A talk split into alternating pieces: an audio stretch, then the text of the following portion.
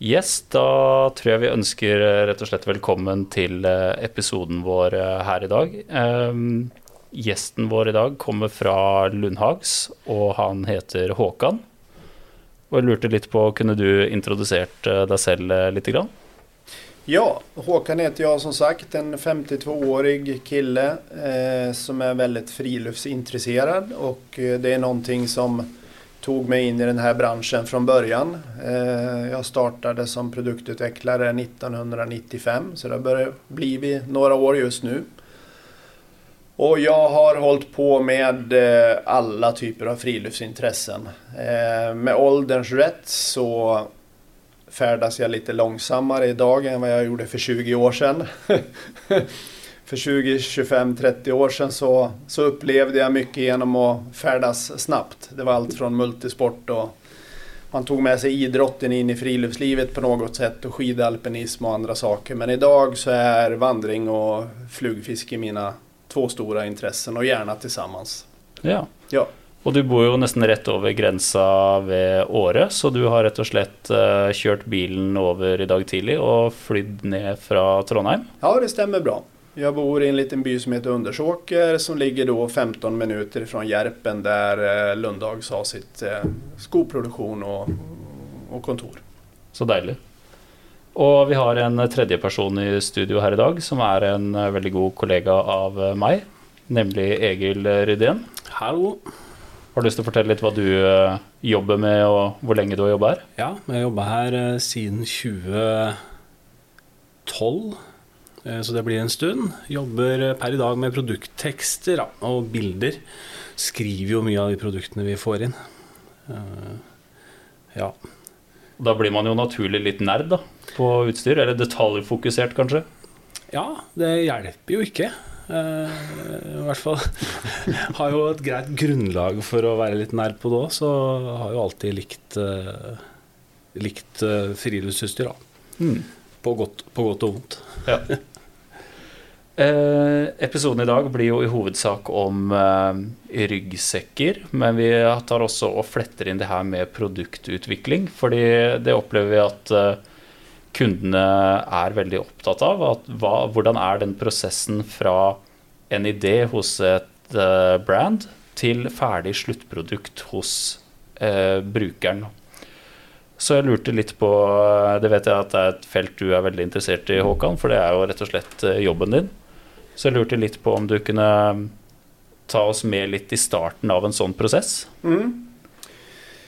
Vi har ju som ambition att eh, underlätta för dig som friluftsmänniska på ett så god måte som möjligt. Så vi, vi vill ju på ett sätt göra en produkt som du märker av så lite som möjligt så att du kan ägna dig åt din, din aktivitet och att du upplever så mycket som möjligt. Å andra sidan vill vi också genom våra produkter inspirera människor att ta sig ut. Och att produkten hjälper människan att utföra det de vill utföra. Oavsett om det är långvandring eller någonting annat.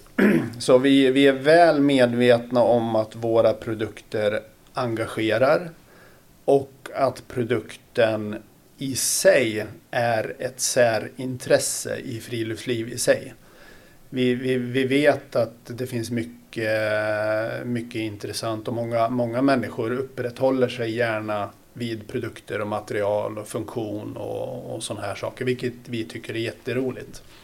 Jag kan tycka många gånger om man ser tillbaks, jag har en, en gammal inspiratör i, i Sverige som, som eh, har bedrivit med överlevnad i många år i försvar och sånt där. Och han, han har ju ett citat som jag brukar ta med mig att för hundra år sedan så kunde man namnet på hundra ätliga växter. Idag kan man namnet på hundra bilmärken. Och det är väl ett sätt hur, hur samhället har utvecklats och vad vi, vad vi lägger vikt vid. Att vi har kanske blivit lite mer materialistiska istället för att, eh, jag tror kanske att generellt sett jag menar, man besteg ju Mount Everest för väldigt länge sedan i bomullskläder och hamparep. Och det kanske inte är lika många som skulle känna sig trygga med idag. Det kanske inte de gjorde på den tiden heller. Men jag tror kanske många gånger att vi, vi har blivit eh, kanske väl materialistiska ibland istället för att förkovra oss i användarkunskap och sådana här istället. Men vi, vi vet också att många, många har väldigt stor nytta av de produkter som levereras idag och att produkten hjälper dem att eh, man ska hålla sig torr, komfortabel, bekväm. Eh, produkten är ett verktyg för människor att överhuvudtaget ta sig ut idag. Är det viktigt för Lundhags att visa hur produkterna blir lagd? Ja, vi känner ju ett ökat behov av att bli mer transparenta med vår produktutvecklingsprocess. Ja. Det gör vi. Eh, vi. Vi känner att vi försöker att klä, klä på oss konsumentens roll här. Du går in i en butik, du tittar på en hemsida, du läser texten, du tittar på bilder och så ska du ta ett beslut. Köp eller köp inte. Eh, vi vill fylla det, det, här beslutet med så mycket information som möjligt. Och där är vår produktutvecklingsprocess ett sätt att fylla det här med. Och då behöver vi visa upp. Alltså vi tar ju tusentals beslut i varje produkt. Under då två, tre, upp till fyra års tid. Innan produkten blir når marknaden. Det tar så pass lång tid? Ja, det kan göra det. Eh, så minst två år men ända upp till fyra år. Och speciellt det jag håller på med med ett nytt bärsystem eller annat. Det kan ta väldigt lång tid mm. innan det är liksom eh, testat och godkänt. Eh, och, och, och, och, och, det här är någonting som vi, vi är inte färdiga här. Men vi vill fylla prislappen och QR-koden med ännu mer information för att kunden ska känna att eh, det här köpet känner jag mig trygg med. Ja. Eh, eh, när du säger transparent, alltså, då menar du att ta med kunderna lite mer från start? Alltså från liksom dag eller uke en? Eller ja, kalla det, kalla det en kundresa. Ja. Där, där resan börjar kanske redan vid idéstadiet och att vi vi också visar upp en, en, en mer naken eh, ett naket ansikte. Att hur såg prototyper... Alltså vi, vi kan ju gå igenom fem, sex, sju olika prototyper. Kanske ännu fler under en väldigt lång utvecklingscykel. Och jag är helt säker på att konsumenten, kunden, även har ett intresse av hur såg prototyp 1 ut för tre år sedan. Ja. Och, och, och hur ser det färdiga resultatet ut? Och vad gjorde att ni tog vissa kritiska beslut längs vägen? Vilka har testat de här? Under hur lång tid har den testats? Pratar vi tio timmar eller tusentals timmar? Eh, jag, jag tror att produktens värde vi är fullt medvetna om att många friluftsprodukter är dyra idag. Speciellt i dessa tider. Eh, och kan vi då fylla produkten och priset med ett ännu större innehåll och då pratar jag inte bara materialval och bärkraft och sånt här utan liksom med, med, med hela produktutvecklingscykeln. Hur kan vi åskådliggöra den och klä av oss lite grann och visa upp en Produktutveckling är ju lite hemlighetsmakeri också. Ja, ja för det blir ju lite utfordring. Det ska vara transparent, men eh, med konkurrenter ja, och sånt ja, också, särskilt i utveckling av ja. Eh, alltså bärsystem ja. på säckar och Men vi, vi befinner oss också i en, en, i en transition i samhället där det här med att hemlighetshålla fabriker och underleverantörer det håller ju på att bli mer öppet. Mm. Eh, alltså vi är, vi är ju snart där, där det ställs krav på oss att vi måste ha ett helt eh, en innehållsförteckning på varenda material. Ja, och det ska vara spårbart. Och... Det ska vara spårbart ner till minsta nivå. Ja. Och dit kommer vi att komma. Men det här har ju varit lite känsliga uppgifter utifrån att du lägger ner massor med tid och engagemang och tid och pengar på att produktutveckla någonting som du känner dig, det här är vi först med det här är bra. Det här vill ju vi behålla för oss själva så länge som möjligt. Men eh, ett bra exempel på det är ju det här med bärkraft. om du gör någonting riktigt bra för miljön, ska du då behålla det för dig själv? Ja. Eller ska du dela med dig av den så att hela industrin, hela branschen. Eh, och här tycker jag att vi skandinaviska varumärken har varit föregångare. Vi har haft samarbeten inom Scandinavian Outdoor Group som är då en från början en exportsatsning och kanske en marknads och säljsatsning. Men det här har ju också gjort att produktgrupper och utvecklingsteam och marknadsteam har satts samman och samarbetat. Så att vi på Lundhags har ju då kunnat sätta oss ner med konkurrerande varumärken i hela Skandinavien och pratat öppet om svårigheter när det gäller fluorkarboner eller återvunna material eller vattenförbrukning eller energiförbrukning. Och jag har ju svårt att se att Audi, BMW och Mercedes skulle sätta sig runt samma runda bord och prata energieffektivitet i sina motorer. Ja. Eh, och, och, och, och det här initiativet i Skandinavien har ju fått väldigt mycket publicitet och till exempel många tyska då, till exempel konkurrenter eller varumärken har ju tittat avundsvärt på skandinavier hur vi kan faktiskt samarbeta i de här frågorna. Men det tycker jag är ett bra, ett bra exempel. Om jag gör ett nytt bärsystem, ja men det kanske jag vill hemlighålla så länge jag kan. Eh, för det är en rent funktionell utveckling. Men när det kommer till bärkraft och eh, initiativ där vad gäller kemikalier eller någonting annat, det är någonting som vi eh, bara måste dela med oss av.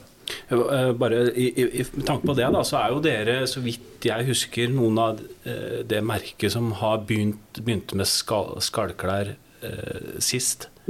Det er ikke lenge siden dere begynte med skall. Membran, liksom? Ja, membran, ja. ja. Eh, for dere har jo alltid kjørt et slags uh, bomullsprinsipp mm. i, i alt. Og mm. også støvlene deres, som dere har da også kjørt uten membran, mm. som jeg syns er helt uh, helt supert. Mm. Uh, det är det. Om jag ska, nu har jag varit i den här branschen i 30 år nästan. Och eh, om jag tittar på den objektivt eh, från sidan så finns det en del innovationer eller teknologier som var starka för 30 år sedan och som fortfarande är lika starka. Om vi pratar funktionellt. Eh, och, och, där tycker jag att Lundhags fjällstövel eller kängor som vi säger på svenska är en sån teknologi, innovation som står sig lika starkt idag. Kanske ännu starkare för att vi vi har ju de senaste 3-4 åren växt väldigt mycket på våra skalkängor. Ja. Eh, vi har ju hållit på med skalkängor sedan 1932.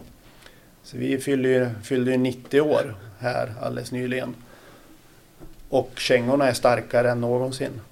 Eh, och, och jag är ju vän av att prata komfort. Eh, jag, jag upprätthåller mig kring ordet komfort väldigt mycket för att jag tycker komfort är extremt svårt att prata om och därför vill jag prata om det. För att åskådliggöra hur svårt mitt jobb också är att tillfredsställa alla människor. Det finns ingen produkt som är helt perfekt som passar alla. Och då pratar jag inte bara ryggsäck utan också känga, jacka, system av klädsel. Eh, vi pratar skalsystem men vi när vi också pratar komfort här så handlar det om att, ja men vad är komfort? Ja, bekvämlighet. Jag ska vara torr, jag ska vara varm men också lagom varm. Jag ska inte vara kall, jag ska inte vara varm utan jag ska ju befinna mig någonstans däremellan. Och då är vi också inne på det här med användarkunskap. Att ingen produkt, inget material gör ju jobbet alena utan det krävs ju att vi adderar friluftskunskap tillsammans med produkten och materialen för att maximera upplevelsen. Du kan inte gå med ullundertöj, mellanlager och skaljacka hela turen med tung ryggsäck för då kommer du att svettas. Mm. Och sen kommer du också att bli kall. Eh, utan du måste reglera klädseln och, och eh, det här kommer ju med erfarenhet. Eh, att, att du lär dig du lär dig använda din garderob på ett optimalt sätt. Du lär dig också att byta ut byggstenar av din garderob som kanske inte fungerade optimalt förra turen. Utan du med tiden så, så når du ett sorts eh, perfektion i din garderob. Men eh, vi vet också att friluftslivet har förändrats eh, under, under, under tid och Eh, det gör också att många, många ställer ju frågan till mig hur, hur kommer du på nya saker? Liksom? Ja, hur gör jag? Ja, men jag är också föränderlig. Jag förändras i marknaden, jag förändras av samhället, jag förändras av nya behov som jag studerar och tar till mig. Är det sån en idé till ett nytt produkt kan komma till?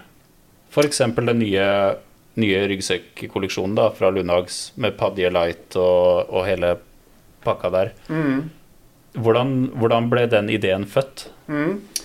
Eh, det är ett bra exempel. Eh, den nya ryggsäckskollektionen nu som vi lanserar 2023 med ett helt nytt vandringsprogram med justerbara bärsystem och, och så. Det, det föddes ju ur en väldigt djuplodad marknadsanalys. Ja. Eh, men också att vi ställer oss själva frågan. Alltså vilken roll vi spelar i den här industrin och i den här branschen. Alltså hur ser vår... Vi bedriver ju vandring. Det är väldigt enkelt för Lundags för vandring är liksom huvudaktiviteten. Eh, vi håller inte på med engelska begrepp som trail running och mountainbiking och eh, ski mountaineering och sådana här eh, coola aktiviteter utan vi tycker vandring är stencoolt. Eh, men vandring kan bedrivas på så många olika sätt. Vi vandrar långt, vi vandrar kort, vissa går snabbt, vissa går långsamt, vissa bär tungt, vissa bär lätt. Och ett utvecklingsområde för Lundhags har ju varit, många ser ju, har sett Lundhags som ett ganska klassiskt traditionellt tryggt, slitstarkt, pålitligt varumärke med pålitliga produkter. Men eh, vi märker i marknaden att många Pandemin har gjort att många har hittat till friluftslivet mm. som nybörjare. De höll tidigare på med inomhussporter men det gick inte att bedriva sådana aktiviteter. Man behövde någonting nytt. Vissa började spela golf, vissa började fiska. Men många har börjat vandra. Och eh, när de ska då investera i en helt ny garderob. De har inget kök, de har ingen sovsäck, de har inget tält, de har inga kängor, de har ingen ryggsäck. Då är det många som börjar med lättvikt. Och design kanske?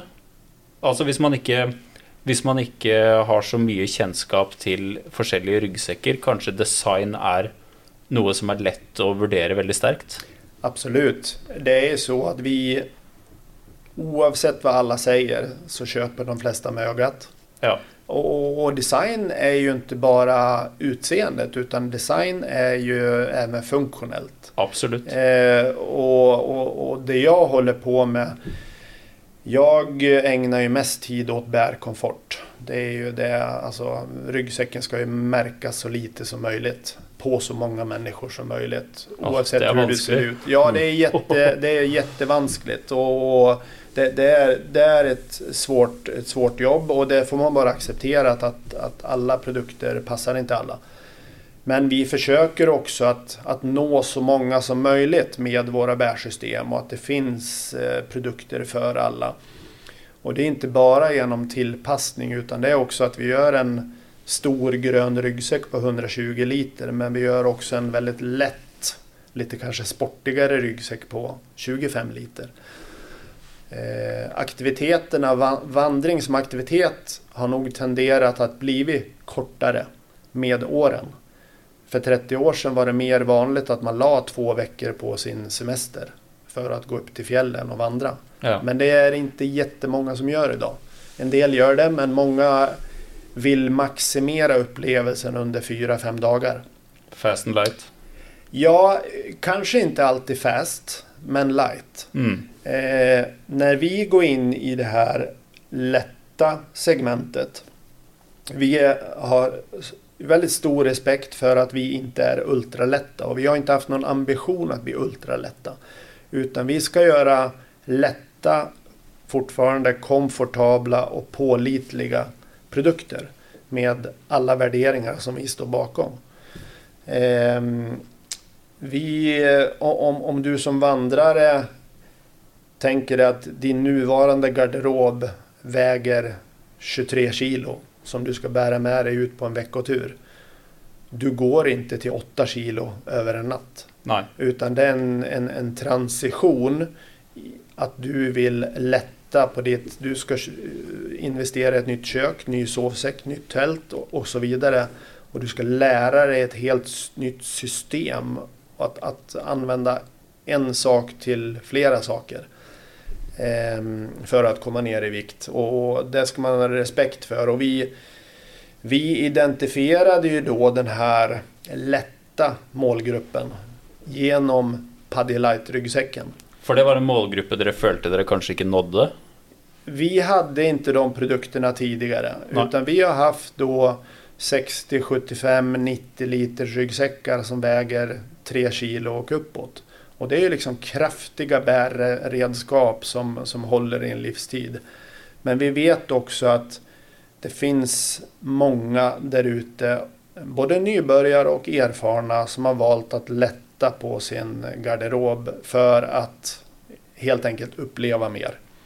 Man är trött liksom på att stirra ner i backen utan man vill titta upp istället och uppleva. Så Paddy Light kom ju till så att vi, eh, vi identifierade en lättare målgrupp. Det var ett bra sätt för Lundhag som varumärke att utveckla vandring åt det lätta hållet. Eh, och det är ingenting som vi egentligen har eh, haft som målgrupp tidigare. Men eh, nu är det en av våra målgrupper, de som färdas lätt. For jeg husker da de eh, säckarna sekkene kom på fjellsport, så var vi veldig mange som sto og så på de og diskuterte at det her er et skikkelig friskt pust fra Lundhags. Og nå er vi dessverre utsolgt for den 45, eh, 45-literen i grå. Men jeg veit jo det at så fort den kommer på lager igjen, så skal i hvert fall jeg ha en sånn en, da. Mm, mm. Og det, det syns den ser eh, Det er en kollega som kjøpte den som var igjen på lager, og den Mm. ser jo veldig, veldig bra ut. Mm. Nej, de har sålt väldigt, väldigt bra och många har varit nog lite kanske överraskade när, när Lundhags levererade en sån här ryggsäck. Men vi, vi tummade inte på bärkomforten när vi gjorde en sån här säck. Alltså du kan ju göra en påse på ryggen. Det är ju buslätt. Mm. Om, om allting handlar om vikt. Men om du, du måste också ställa frågan till kunden hur mycket kommer du att bära? Kommer du att bära 8, 12, 16 eller 20 kilo? För det, det ställer också olika krav på ryggsäck. Ehm, en- påse på ryggen kan alla göra liksom. Ja. Eh, Det, det är inte svårigheten. Vi, vi valde ju att, att, eh, att eh, utveckla ett bärredskap här som vi, vi har gjort en 60 liters ryggsäck som väger 1,15 kilo. Och det är då 1,75 kilo mindre än våra tidigare 60 liters ryggsäckar. Ja.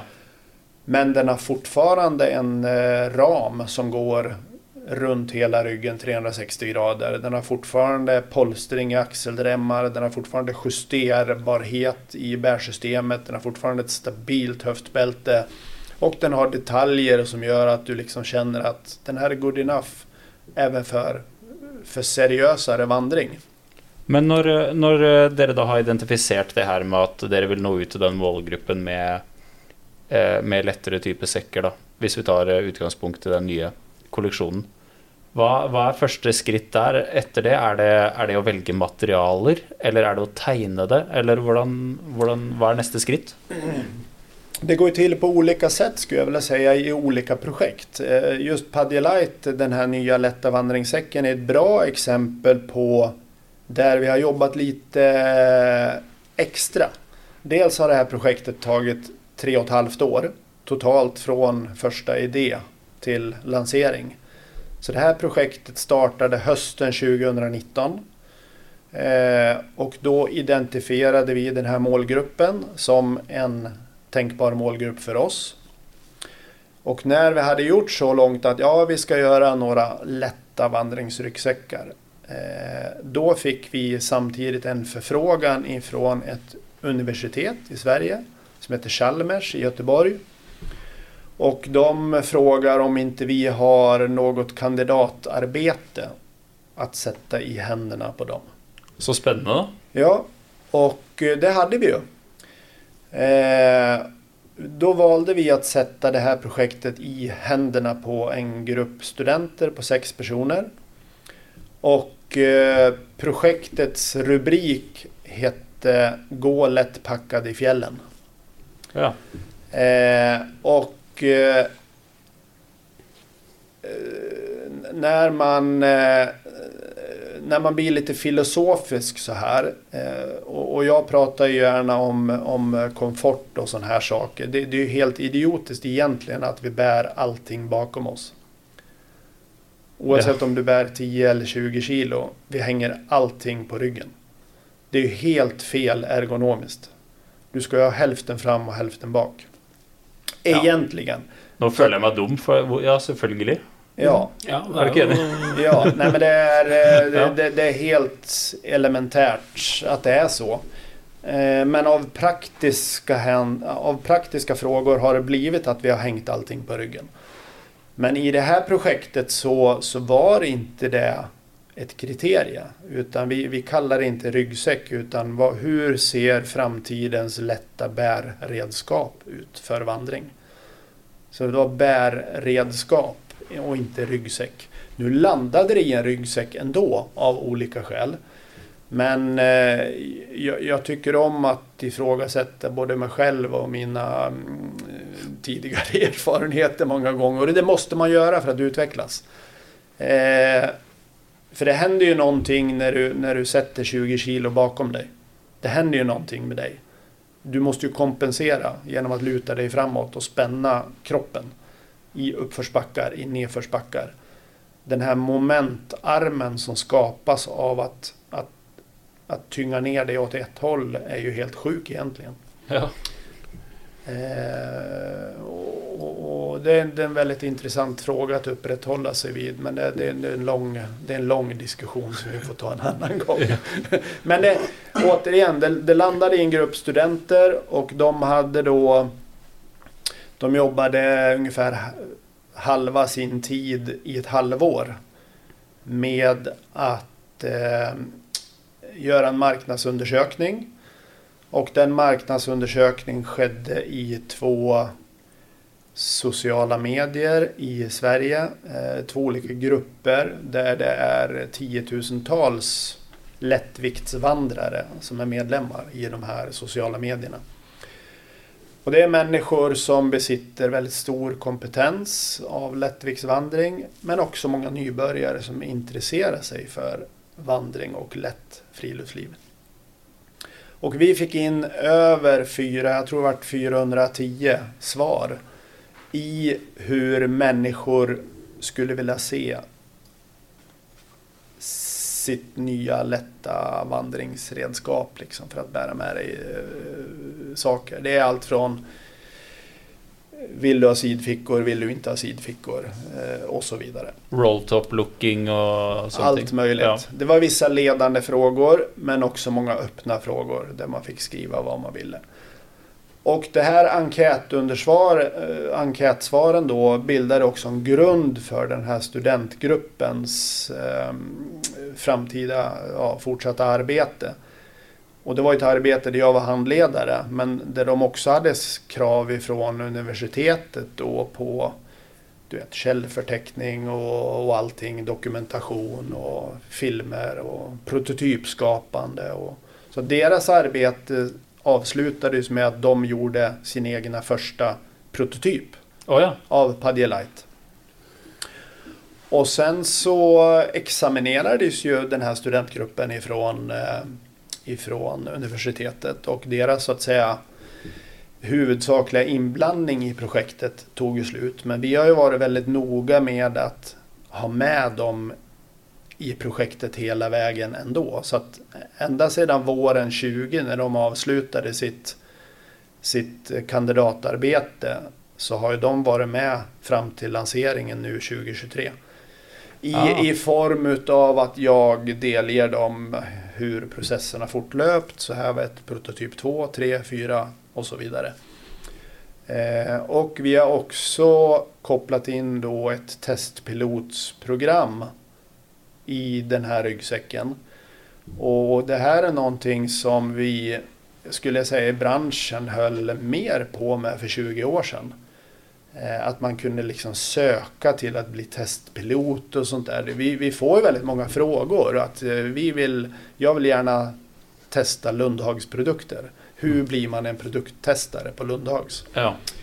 Eh, Det blir man bara inte sådär ad hoc utan det, det, det krävs ju det krävs ju på ja, lite olika saker men i, i det här fallet så så gjorde vi ett, helt enkelt en, en, en ansökan. Vi gick ut med att vi vill ha åtta testpiloter till den här eh, Paddy Light ryggsäcksprogrammet. Och det här sökte vi då genom sociala medier och våra egna kanaler, hemsida och så vidare. Och vi fick ju lite drygt 100 ansökningar till att bli eh, testpilot för Padialight och vi valde ut åtta personer då som, som fick då beskriva vad de skulle göra under den här perioden, den här testperioden. För vi ville ju inte bara ha någon soffliggare utan vi ville ju ha en aktiv människa som, som hade tid att vara ute och, och vandra. Vad kunde en sån oppgave vara då? Det var allt möjligt. Eh, vissa skulle gå långt söderut i Sverige på låglandsleder. Men vi hade ansökningar ifrån Danmark, vi hade ansökningar ifrån Finland, vi hade ansökningar från Tyskland. Även fast vi förhöll oss i Skandinavien så spred det här sig utanför Skandinavien. Eh, så det slutade i då att vi, eh, vi så att säga kontrakterade åtta personer och, och motkravet då var att de skulle komma in med en tydlig förbättrings, alltså vara kritisk. Ja. Tala om vad som var bra men tala om vad som var mindre bra. Hvor store forandringer er det mellom disse forskjellige prototypene, da? Ja, alltså från prototyp 1 eh, under våren 20 och fram till nu så, så känner du igen dig eh, i produkten. Och Er det samme materiale, f.eks.? Nej, det är det inte. Det är ju så, ma- material och byggstenar i en produkt, det är ju en, en produktutveckling i sig. eh, Som mognar och som också vi utvecklar ju en del material själva tillsammans med en underleverantör men ibland hittar vi också färdiga material och byggstenar som passar oss väldigt bra. Men eh, återigen då, Paddy Light ryggsäcken här nu är också ett bra exempel på hur många beslut vi tar. För att varje litet enskilt spänne i den här ryggsäcken är valt av en anledning. Man skulle kunna tänka så här att ja, men vi väljer ryggsäcksspännen ifrån en leverantör för det är enkelt och ekonomiskt. Men eh, i det här fallet så har vi nog spännen ifrån de fem största leveran leverantörerna av plastspännen. Och det är för att varje enskilt spänne fyller ett funktionellt syfte. Och varje enskilt spänne är vägt Ja. eh, och optimerat utifrån vikt och funktion. Og plassering kanskje på Placering. Jeg absolut. ser for meg at du får tilbakemeldinger på ja, slitasjesteder som du ikke har helt tenkt på. Jajamän, ja. eh, Det är ju det är en av utmaningarna med eh, mitt och vårt jobb. Att, att eh, hur kan vi hur kan vi hur kan vi på något sätt åskådliggöra eller iscensätta 10-15 års förbrukning på tre år. ja. Alltså hur, hur, hur kan vi långtidstesta det här på ett sätt som gör att vi känner oss trygga med att sätta den här i produktion.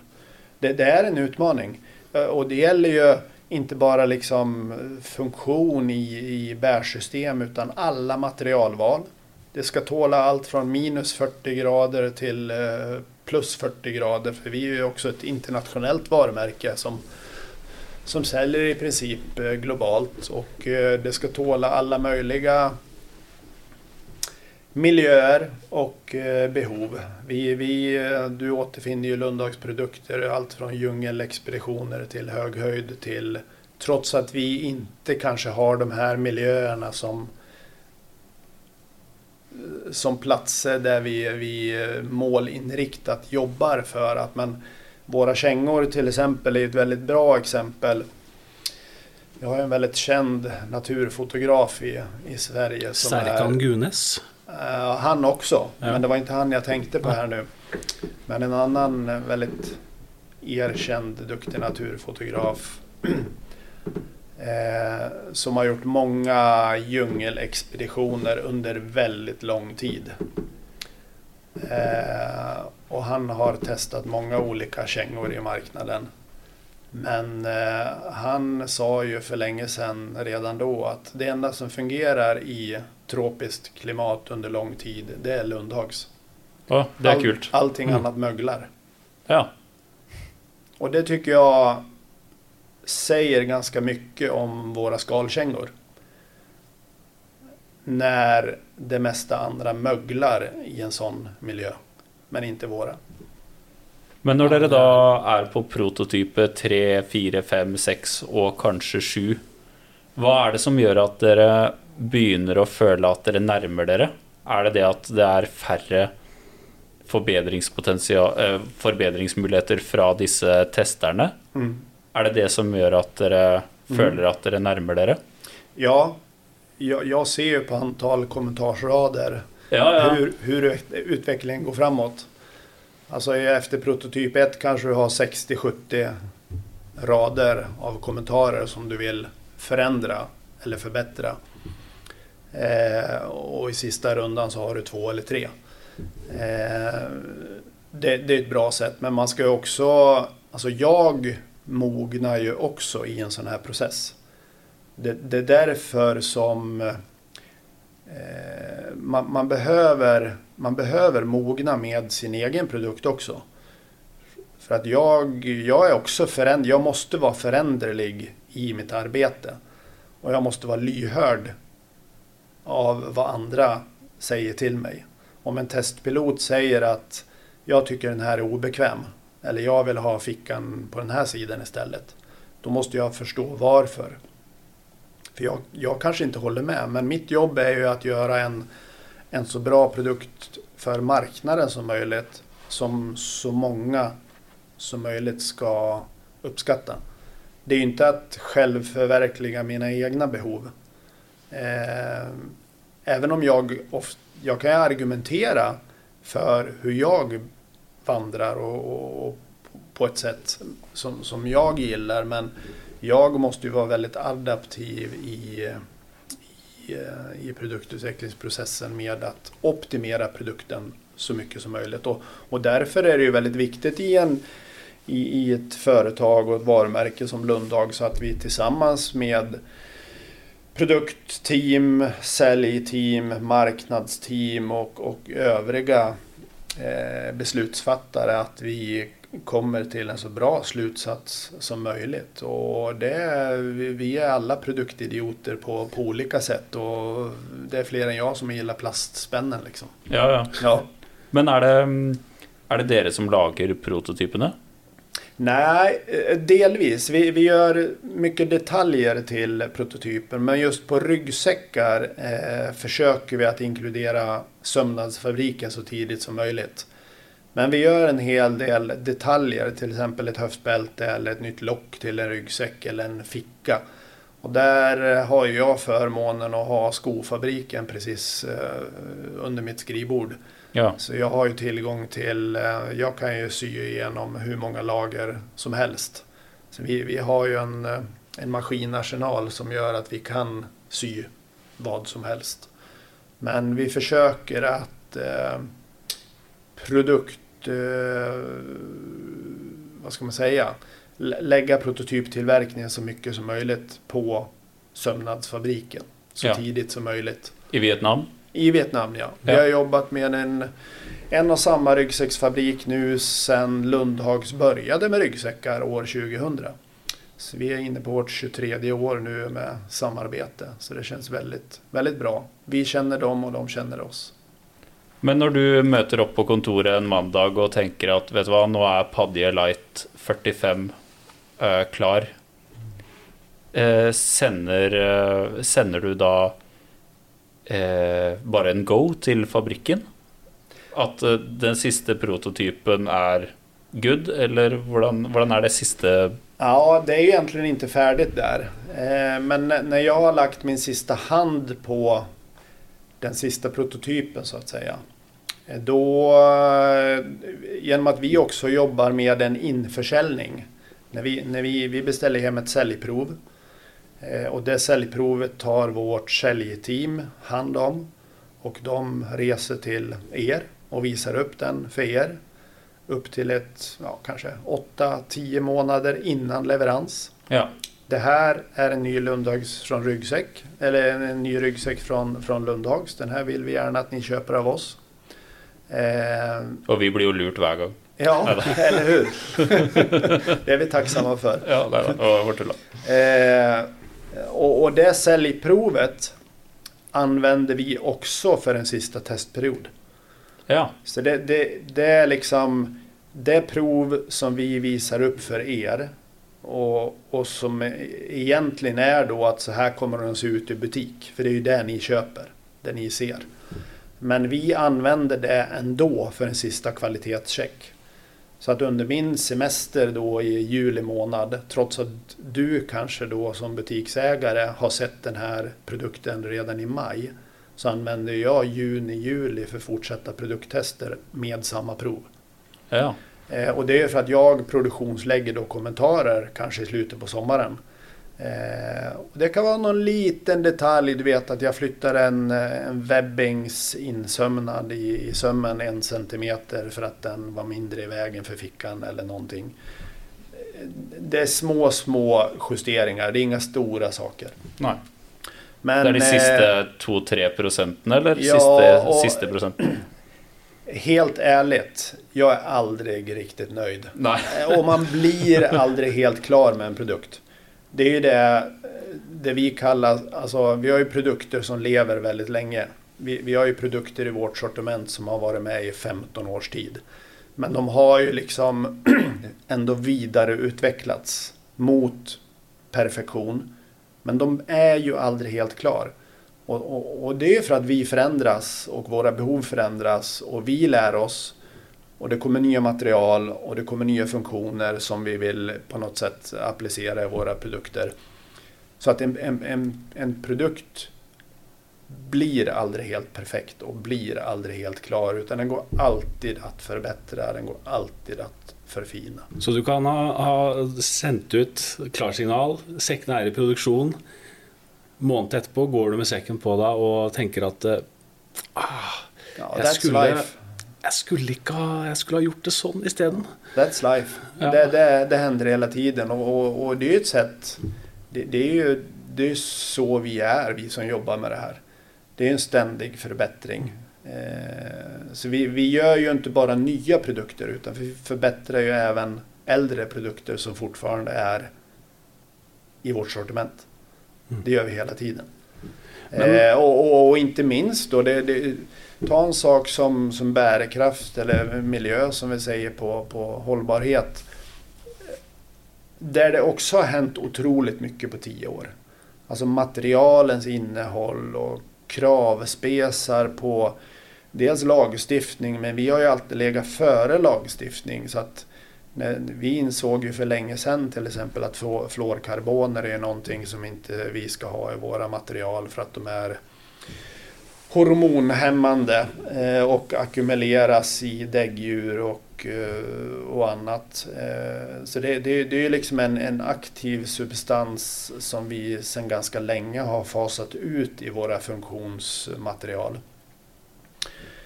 Och det gör ju i sin tur att det kan få kanske framförallt när vi pratar skalkläder och sånt här, att, att tar du bort en aktiv kemikalie i ett laminat så är inte laminatet lika perfekt som det var innan. För att det händer saker i lamineringsprocessen så fort du förändrar kemi kemikalieinnehållet.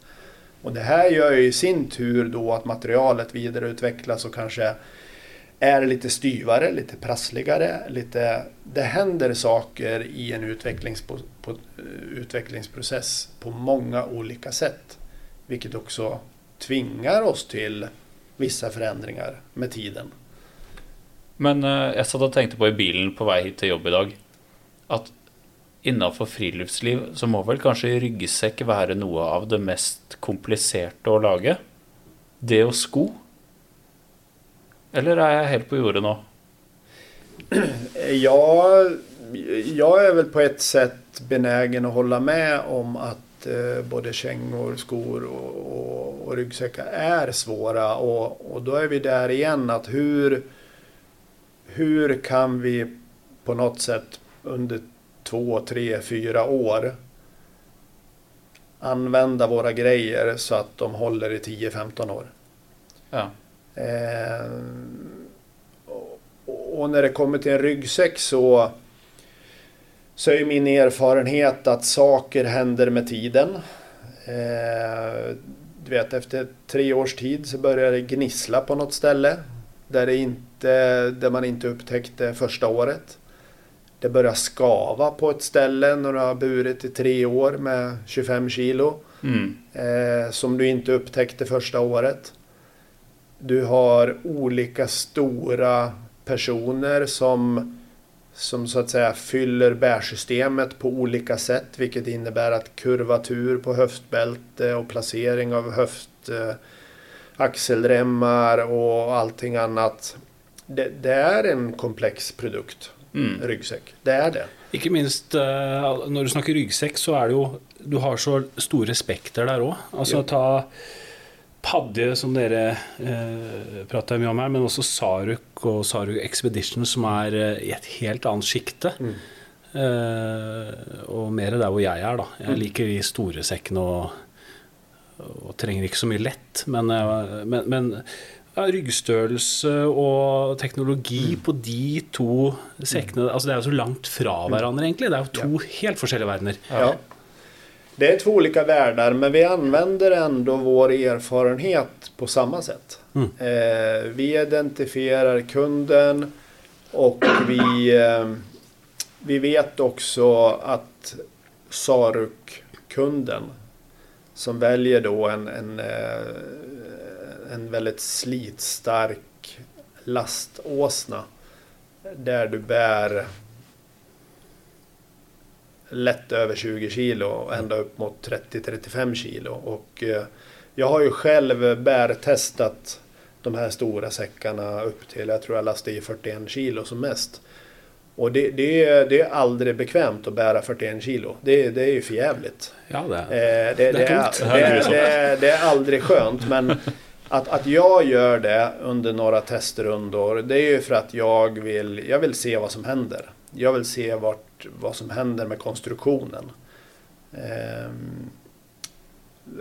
kollapsar höftbältet? Står ramen upp för den här vikten? För jag vet att det finns det finns användare som bär upp mot, inte minst här i Norge tror jag, där man eh, går upp och jagar på fjället och bär med sig tunga, ja, bär mm. med sig mycket kött hem och sådär. Du, du kommer ganska lätt upp i 35 kilo. Och jag som bedriver med flugfiske och, och vandrar upp till ett basecamp och kanske stannar där i 8-10 dagar med färsk mat och färsk dryck och lite annat. Då har man kanske 35 kilo med sig ut mm. men man har 11 eh, kilo med sig hem. Ja. Eh, men det gör också att produkten måste klara av det. Produkten får inte kollapsa, produkten får inte gå sönder. Sen är det aldrig bekvämt att bära så mycket. Nej, det är... Eh, jag hade en tur över eh, Hardangervidda, det är många år sedan. Jag hade en stor säck och det som skedde då i, på dag tre, var att säcken, eh, bärsystemet gick i stycken så den seg ner. Gick i sömmarna där uppe, så då gick jag alltså med en, en ödelagt säck resten av de veckorna över där. Mm. Och det är klart att du är ju inte förnöjd Nej. Eh, da. Nej. Eh, Så da går man jo og tenker litt Ja, eh, på det.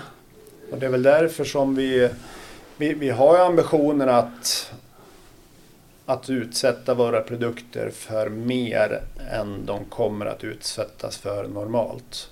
Ehm, Men man ska också vara ärlig och säga att shit happens ibland. Alltså ingen är perfekt och återigen, ingen produkt är heller någonsin klar. Utan det finns alltid, alltid förbättringspotential. Men eh, det är klart att vi, vi, vi har ju all, alltid en ambition om att produkten... Vi pratar ju ofta om reparerbarhet och sånt där och Lundhags är ju ett varumärke som, som, som har möjlighet att reparera väldigt mycket internt. Eh, men eh, vår, vår främsta ambition det är ju att det inte ska gå sönder. Det är ju Mm. del ett. Ja. Därför väljer vi då gärna en, en klass upp på blixtlås. Så att på våra ryggsäckar så har vi klass 10 blixtlås på alla huvudingångar. Ingångar som används väldigt frekvent. Alltså på en daypack idag som du använder till och från jobb och skola och så vidare. Den kan du öppna 15-20 gånger per dag. Och det syns ju tydligt i reklamationsstatistik om du har en klass 5, 8 eller 10 blixtlås i en sån produkt. Ja, Att för varje steg upp du tar så fördubblar du livstiden på ryggsäcken. Mm.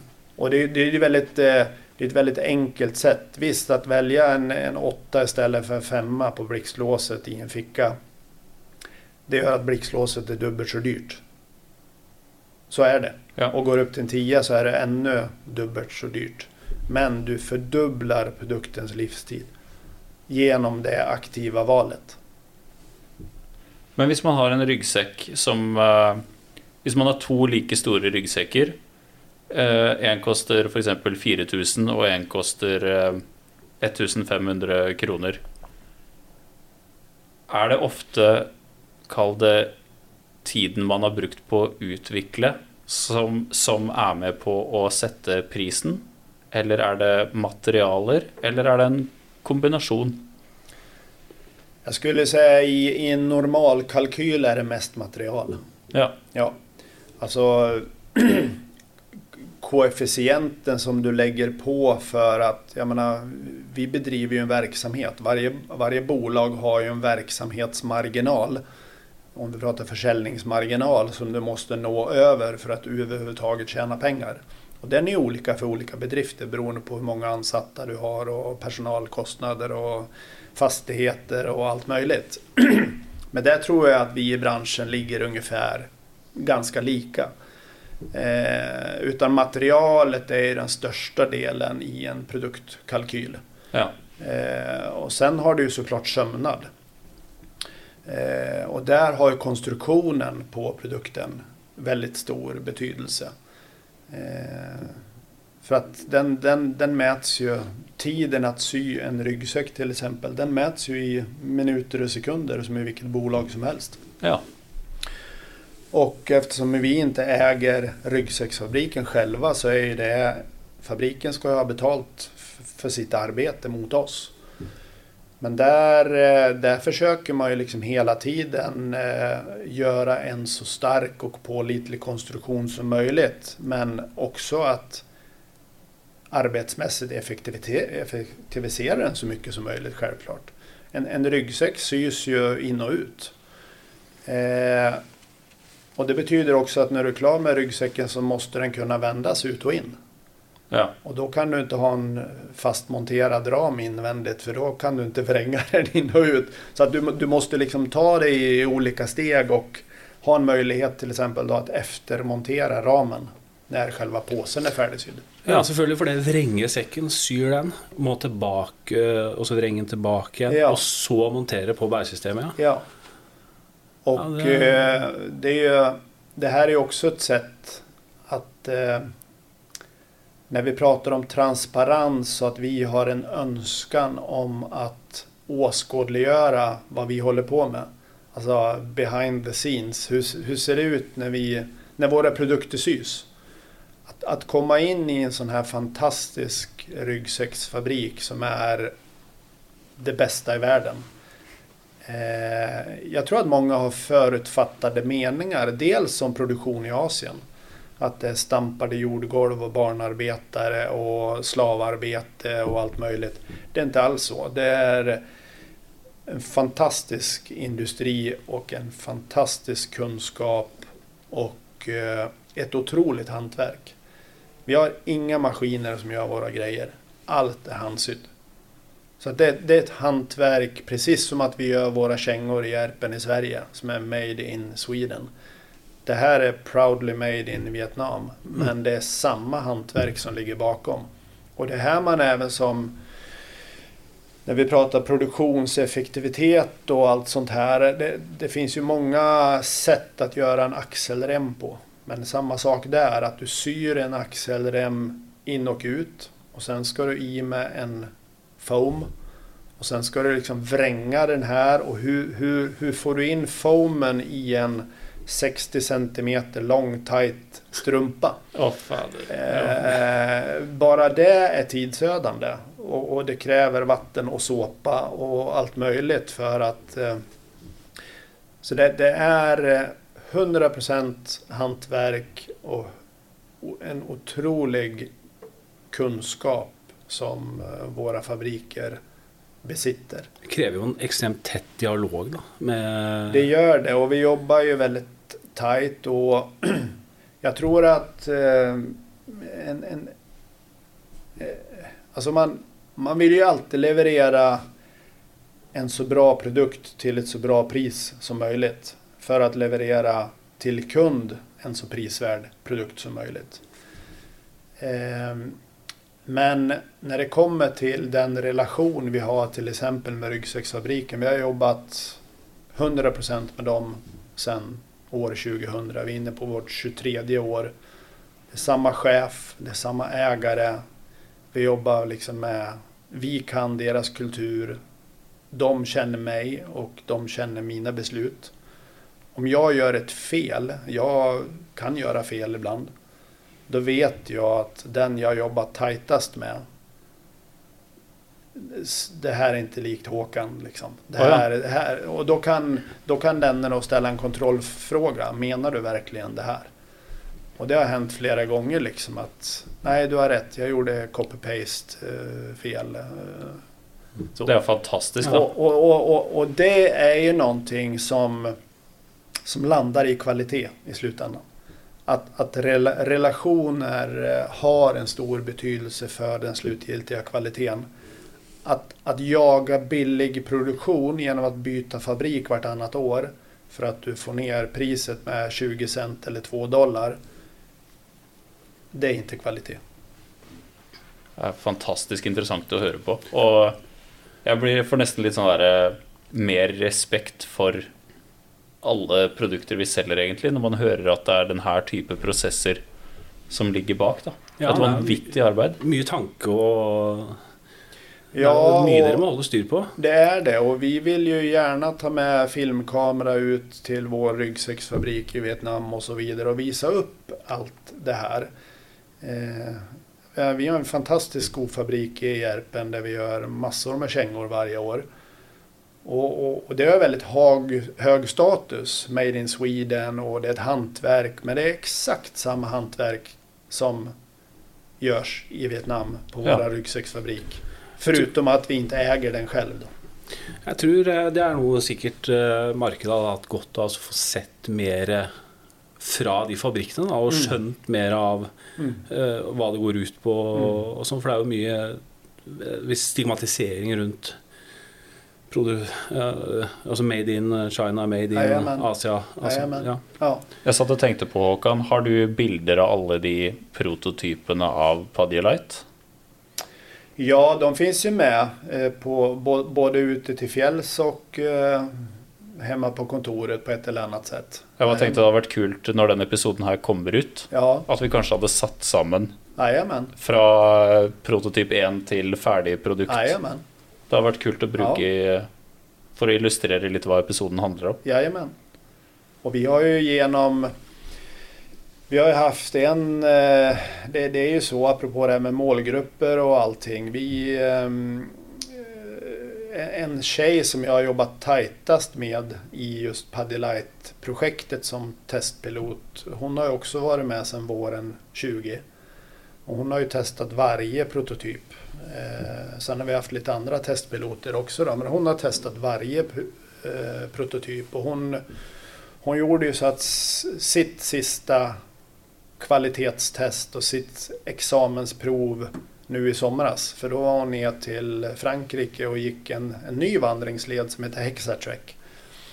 Så hon gick ju 230 mil med den sista prototypen i, i somras. Wow. Ja. Eh, och eh, den säcken, jag ska inte säga att den ser som ny ut, men säcken fungerar efter 230 mil och den ser fräsch ut fortfarande. Wow. Och, och det var väl ett väldigt bra kvitto för att alltså när, du, när du har som ambition av att göra en, en lätt ryggsäck som har samma volym som tidigare och du ska ha en bra bärkomfort. Det är klart att jag måste ju ta beslut som gör att jag minimerar saker. Jag kan inte lägga på saker när jag ska ta bort nästan två kilo. Utan jag måste ju ta bort saker för att få ner vikten. Mm. Jag måste ha ett lättare men fortfarande starkt material. Jag måste ha en lättare men fortfarande stabil ram. Jag måste ha sidkompressioner men den kanske inte måste vara 25 mm brett utan det räcker med 7. Ja. Och hur hittar jag då ett, ett eh, kompressionsspänne på 7 mm som jag kan använda med handskar på när det är kallt och vinter? För våra produkter ska ju fungera hela året. Och de här besluten Eh, som sagt, vi tar massor med beslut i en produktutvecklingsprocess. Men att då för den här tjejen åka ner till Frankrike och gå med den här produkten varje dag i sex månader. Att utsätta den för, för hård påfrestning i en varm miljö. Hon hade ju ända upp till 35-36 grader i somras i Frankrike. Eh, en helt annan miljö än den vi har i, i Sverige. Men våra produkter ska också fungera i alla miljöer eftersom vi har en global försäljning.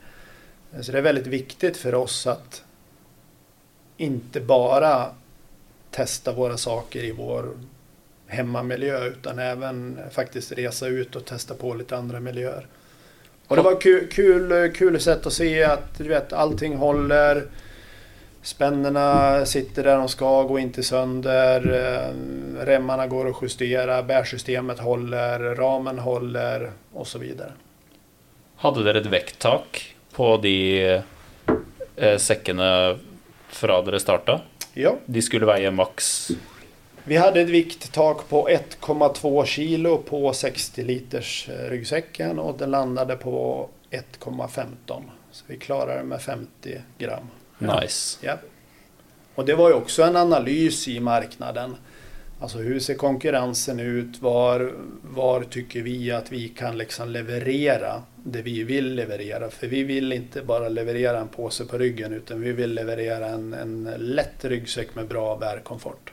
Och då kunde inte vi gå så mycket lättare än så, tycker vi. Jeg tror vi begynne å runde av, men jeg har lyst til å stille et siste spørsmål, og det eh, eh, Hvilke andre ryggsekkbrands ser du opp til? Eller hva er ditt favorittmerke utenom Lundhags? Bra fråga. Eh, jag studerar ju hela marknaden, självklart. Och jag tycker olika... Jag tittar ju inte bara på varumärken som säljs på min huvudmarknad utan jag studerar ju även varumärken som kanske finns lokalt i Asien. Kanske finns lokalt mest i eh, Nordamerika Ja. och så vidare. Så att, och, och utifrån också att friluftsaktiviteter är så olika så kan jag nog inte säga att jag har ett varumärke som jag gillar. Utan jag, jag kan tycka att olika varumärken attraherar mig på olika sätt. Ut, Ja. Utifrån bärkraft, utifrån eh, eh, looks, alltså eh, den, den eh, utseende och karaktär man, man kanske har. Jag kanske också fär, färgas av vad varumärket betyder för mig och inte bara produkterna. Men jag, jag attraheras ju av för att vara lite generisk, jag attraheras nog av varumärken som står för liksom en, en tydlighet i, sin, i sitt sortiment och har en hög hållbarhetsprofil, eh, står för kvalitet eh, och eh, drivs av användare. Tror jag. Har du lust att nämna någon? Nej, alltså, nej det, det blir jättesvårt eh, att, att favoritisera någon. Men jag, det, det, finns ett x antal som jag kanske studerar mer noga än någonsin. Men återigen, jag, i, i mitt jobb handlar det om att eh, ha paraply, paraplyperspektiv på, på någonting. Så att jag, jag stannar där. Ja. ja, men det hörs bra ut. Har du något mer, eh, Egil? Som du... Ja, jag syns uh altså Det har jo vært mye sekk, men jeg, jeg syns jo at vi må fremme støvlene til Lundags uh, ja. mer. For det er uh, Det er uh, rett og slett et helt fantastisk produkt. av fare for å høres misken ut, men det var med på å snu hele min tankegang på hva gjelder skall og typ Gore-Tex og sånne ting i produkter. Uh, du må forklare litt til ja. de som ikke kjenner så godt til de støvlene. Nei, altså Lundagsstøvlene er jo uh, i prinsippet bare skinnstøvler med en slags uh, cellegummikant under. da Men det er altså helt uten membran. baserer seg på altså gode, gammeldagse støvler hvor du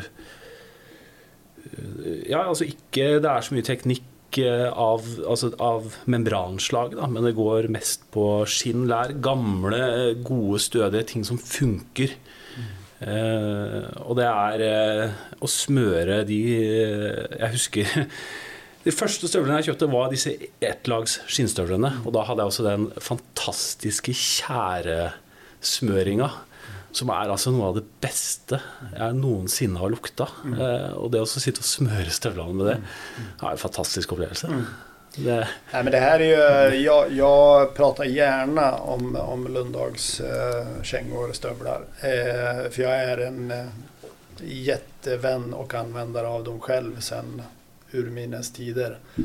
Även innan jag började hos Lundags. eh, och Alltså det, det, är ju, det är ganska länge sedan man började prata lager på lager-principen på kläder. Men vi har ju hållit, med lag, hållit på med lager på lager-principen på fjällstövlar sedan 1932. För det är precis det skalkängorna handlar om. Att fodret i kängorna, det är ju sockarna. Mm. Så du har två lager foder, en tunn socka och en lite tjockare socka. Det innebär att vid dagens slut så tar du ur fodret ur kängan, vilket är dina sockar. Och du torkar dem eller du byter dem.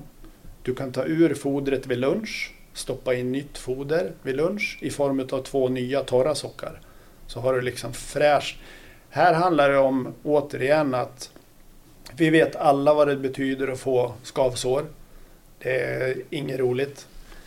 Få tryckskador i fotsulorna, inget roligt. Och, och tryckskador i, och smärta i fötterna uppkommer ju oftast av en kombination av friktion och fuktighet. Mm. Så det handlar om att hålla foten torr så länge som möjligt.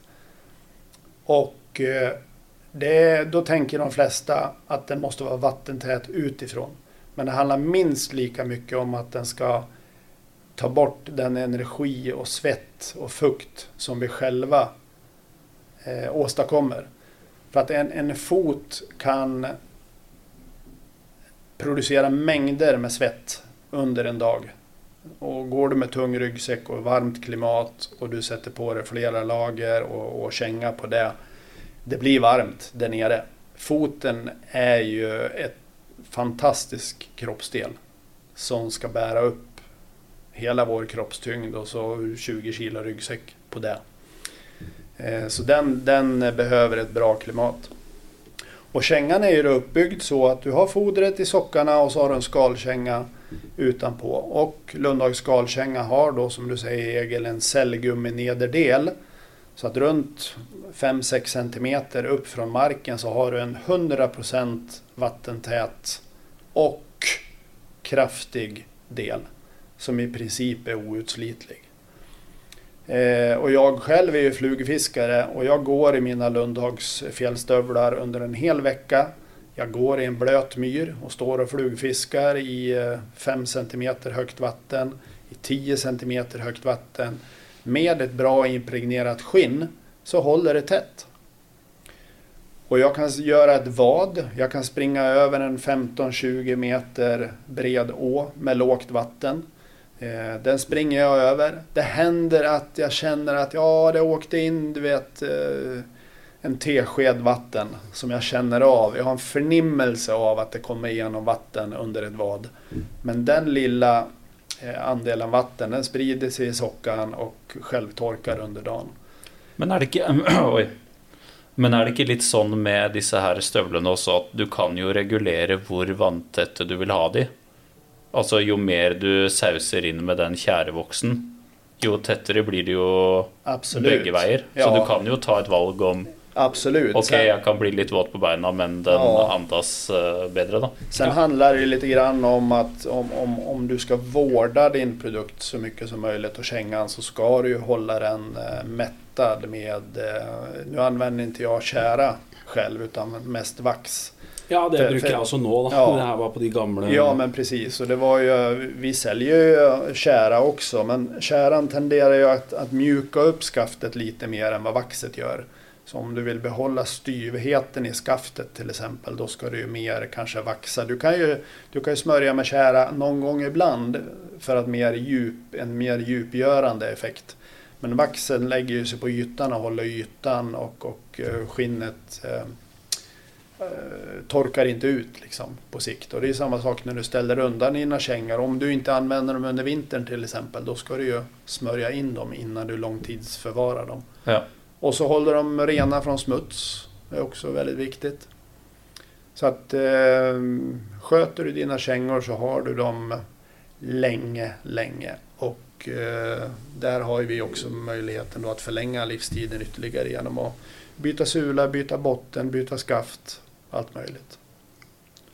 Fantastisk. Uh, tusen tack eh, Håkan för uh, en otroligt bra prat. Tack jag har lärt masse och ja. lite som jag sa i stad då jag prövade att avsluta. Så Egil, no. så, så ja, sitter jag med en väldig respekt då, för, för Lundhags produkter och många andra produkter vi har i sortimentet vårt. För den processen som ligger bak. Mm. Så nå tror jeg vi skal spise litt lunsj, og så skal vi filme litt til uh, YouTube. Så takk igjen, Håkan, for at du stilte opp, og takk til Egil som stilte opp på enda kortere varsel. Ja, takk. takk. Trevligt å være her. Så bra.